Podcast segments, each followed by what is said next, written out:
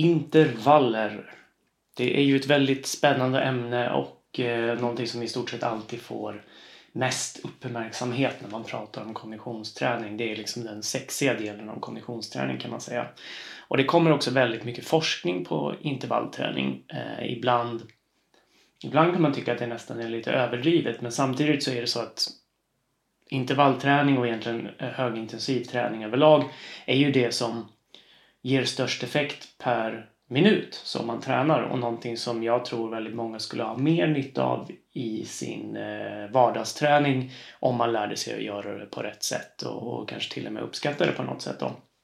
Sen är det inte för alla och det finns väldigt många nyanser av kring hur mycket av det som behövs och så vidare och så vidare. Och så vidare. Men jag tänkte att vi skulle prata om en ny studie om intervaller idag där man har testat hur man ska kunna göra intervaller ännu mer effektivt än de redan är. Det här handlar alltså om att man jämför olika intervallupplägg med varandra. Och i just den här studien så har man tittat på en väldigt intressant mekanism kring varför en viss typ av intervaller ska vara mer effektiv. Vi kommer tillbaks till det, men jag tänkte att man kan börja med att prata om varför gör man intervallträning överhuvudtaget? Och det är ju så att tränar du lågintensivt, alltså under den första tröskeln som jag pratat om tidigare, då finns det ingen anledning att göra intervaller av träningen utan man kan göra den helt kontinuerligt. Och det beror på att fysiologin är i stort sett helt stabil när man håller sig under första tröskeln. Så så länge man inte överhettar eller man får slut på energi eller man eh, får vätskebrist eller eh, någonting eller man börjar röra sig mot liksom larviga volymer, alltså att man börjar liksom springa alldeles för länge eller cykla för länge och sådär, så är fysiologin helt stabil. Då är det så att den kommer se ut likadan hela tiden så länge du inte ökar eller minskar intensiteten. Och då finns det alltså ingen anledning att bryta upp det här upplägget med viloperioder.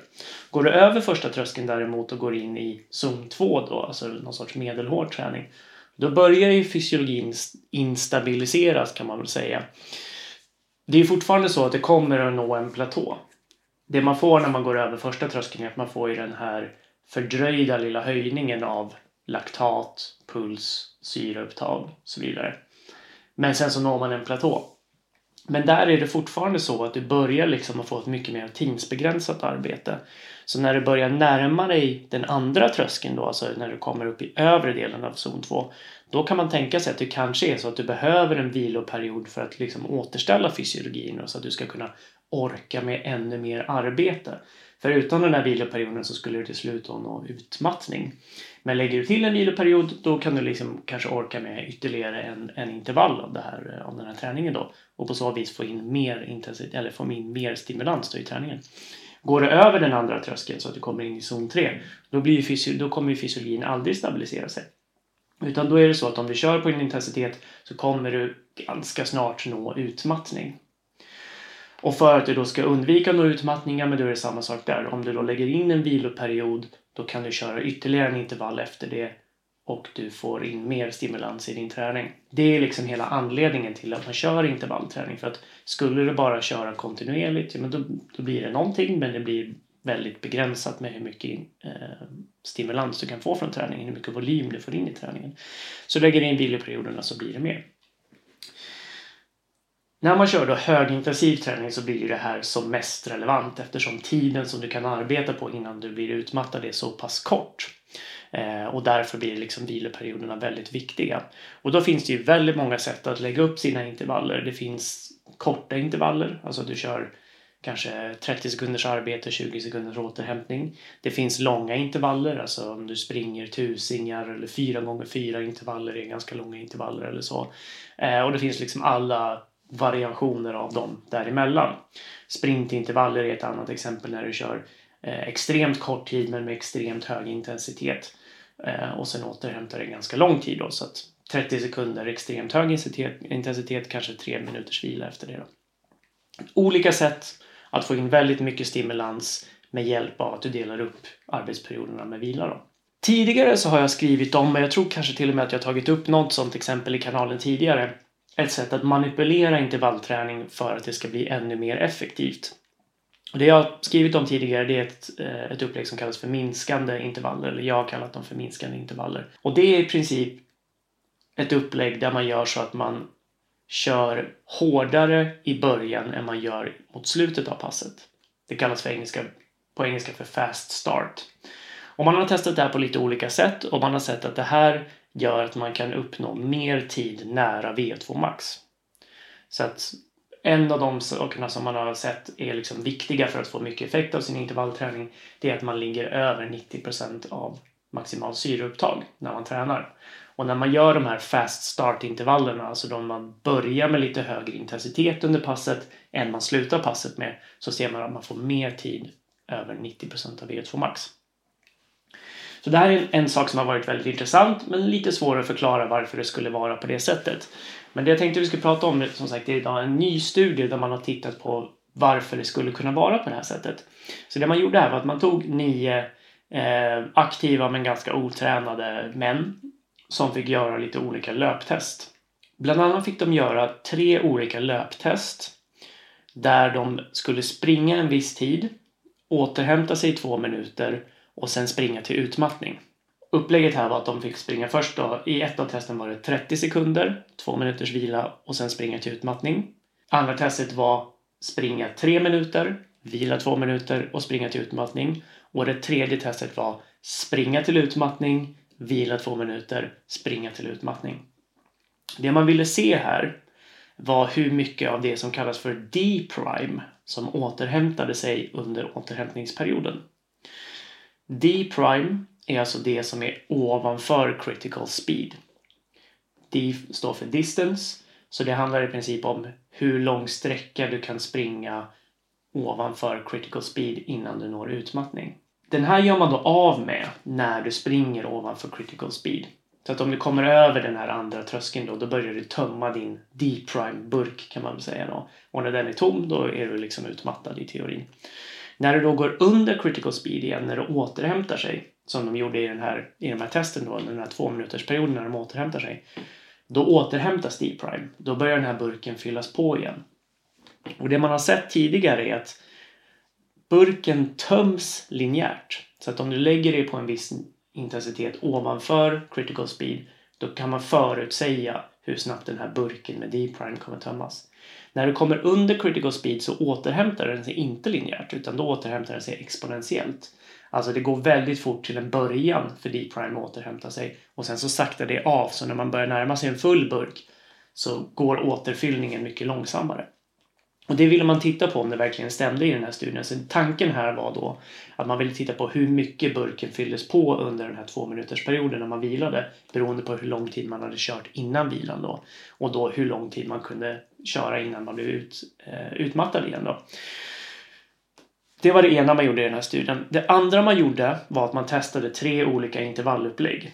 Och det här var bara vid ett tillfälle så det var ingen träningsperiod eller så utan man testade tre intervallupplägg vid tre olika tillfällen. Ett av dem var då långa intervaller där man körde tre minuter på hög intensitet följt av två minuter på låg intensitet. Det andra var när man körde korta intervaller, 30 sekunder på hög intensitet följt av 20 sekunder på låg intensitet. Och det sista upplägget var någonting som liknar minskande intervaller där man började med ganska långa intervaller, i det här fallet var det tre minuter, följt av två minuter vila för att sedan minska ner på intervalltiden och vilotiden. Eh, och alla de här tre uppläggen körde man tills utmattning. Och det man ville titta på här då var vilken av de här ger mest tid över V2 max. Det man såg var intressant nog att man bekräftade den här hypotesen om att D-prime återhämtar sig exponentiellt därför att man såg en väldigt tydlig skillnad i hur mycket av D-prime eller hur stor procent av D-prime som återhämtade sig under viloperioderna beroende på hur länge man hade kört innan. Så att om du hade kört då till utmattning innan den här två minuters vilan då återhämtade sig mycket, mycket mer av D-prime jämfört om du bara hade kört 30 sekunder innan den här två minuters vilan. Och det här berodde ju då på att körde du bara 30 sekunder då hade du inte tömt särskilt mycket av D-prime så återhämtningen gick väldigt långsam. Medan hade du kört till utmattning då var ju din D-prime slut och då måste ju återhämtningen gå väldigt mycket fortare. Vilket innebär att under samma period, alltså två minuter, så får du mycket mer återhämtning under när du har kört slut på D-prime jämfört med om du bara tömt lite. Och tre minuters perioden låg där i mitten då. Så det bekräftar ju då den här hypotesen som sagt om att D-prime återhämtar sig exponentiellt. Och det borde ju då innebära att man skulle kunna ha nytta av det här minskande intervallupplägget. Eftersom då är det så att du startar ju med en, en eh, full D-prime när du kör dina intervaller. För att sen mot slutet då när du når utmattning ska den vara helt slut. Och när man då körde det här minskande upplägget då såg man faktiskt att man fick mer tid ovanför, eller, ja, ovanför 90% av VO2 max. Och det kunde man då förklara med att till en början så startar man med en full D-prime. Man tömde den ganska mycket vid den första långa intervallen. Men sen så återhämtade sig det snabbt då eftersom man då hade tömt det ganska mycket. Och sen så fick man en allt lägre och lägre D-prime men eftersom man då minskade på intervallernas längd så låg man liksom hela tiden precis ovanför att D-prime skulle vara tömd. Vilket innebär att återhämtningen går väldigt snabbt eftersom den nästan är helt tömd och man kan då fortsätta lite, lite, lite längre. Skulle man däremot kört liksom konstant upplägg som till exempel att köra långa intervaller då tömmer du din D-prime ganska mycket till en början, fyller på den väldigt mycket vid första eh, liksom viloperioden. Men sen startar du ändå med lite tömd D-prime med samma långa intervall, tömmer den väldigt, väldigt mycket och sen återhämtar den visso ganska mycket vid nästa viloperiod men sen startar du med ännu mera tömd och då börjar du liksom komma till att nu har du inte hunnit fylla upp den tillräckligt mycket för att du ska orka med hela den här långa intervallen och du når utmattning. Och det var egentligen det man såg vid båda de här långa och korta intervallerna, att man nådde utmattning mycket tidigare än vid det här minskande upplägget. Och det kunde då förklaras av att man inte hann fylla upp D-prime tillräckligt mycket under viloperioderna eller att man tömde det för mycket under insatsperioderna. Så det man såg var att man hade inte ett högre syreupptag i snitt eh, under de minskande intervallerna men man orkade med det under en mycket längre tid så man orkade fler intervaller helt enkelt. Vilket då liksom bekräftar lite det här med fast start-grejen. Att du har liksom en väldigt full burk i början. Då har du råd att liksom tömma den väldigt mycket. Men sen när du börjar närma dig liksom slutet av passet eller när du, bör, när du har kört ett tag. Då måste du minska ner på intensiteten eller då som i det här fallet på längden på intervallerna. För att annars tömmer du D-prime för mycket. Och det här är ju liksom hela grejen med högintensiva intervaller. Att du ligger ovanför din critical speed. Så det som driver utvecklingen här är väldigt mycket din anaeroba kapacitet. Det är liksom den som gör att du kan träna på en högre intensitet än din critical speed. Och därför är det också den som du måste bevara eller du måste kunna använda den verkligen till max för att du ska få in så mycket volym i din träning som möjligt. Du kan ju liksom köra på en lägre intensitet, alltså att du inte kör till utmattning utan att du verkligen eh, ligger nära men liksom inte riktigt når hela vägen dit. Det är ju det man gör under 4x4 intervaller. Då väljer man ju liksom ett, en intensitet som man orkar i 4-4 minuters intervaller oftast. Men det som händer då är att då har du egentligen fått liksom mindre stimulans än du skulle kunna ha fått om du verkligen körde till utmattning. Det här passet, som, eller de här tre passen då, som de körde i, i studien, det är väl kanske ingenting man skulle rekommendera att du kör varje vecka. För att köra ett utmattning varje vecka, det är ju, det är ju liksom jobbigt. Men om du verkligen vill maximera din kapacitet så är de här passen ett alternativ. Och om inte annat så skulle man kunna tänka sig att det här upplägget med att köra minskande intervaller, antingen minskande intensitet eller minskande längd på intervallerna skulle kunna vara ett bra alternativ om du vill få ut mer av din, din vanliga träning. Även om du inte kör till utmattning så är det ett bra sätt att liksom maximera din, din anaeroba kapacitet och din D-prime på ett bra sätt eh, för att eh, öka din eh, aeroba kapacitet, vilket är det man vill göra då med med högintensiva intervaller i mångt och mycket. Så att en väldigt intressant studie där man börjar belysa liksom lite varför den här typen av minskande upplägg är bra. Och någonting som, eh, som jag tror är användbart för folk som vill använda sig av högintensiv träning i, i sin övriga träning eller som sin enda träning. Det var allt för idag. Vi ses och hörs när vi gör det.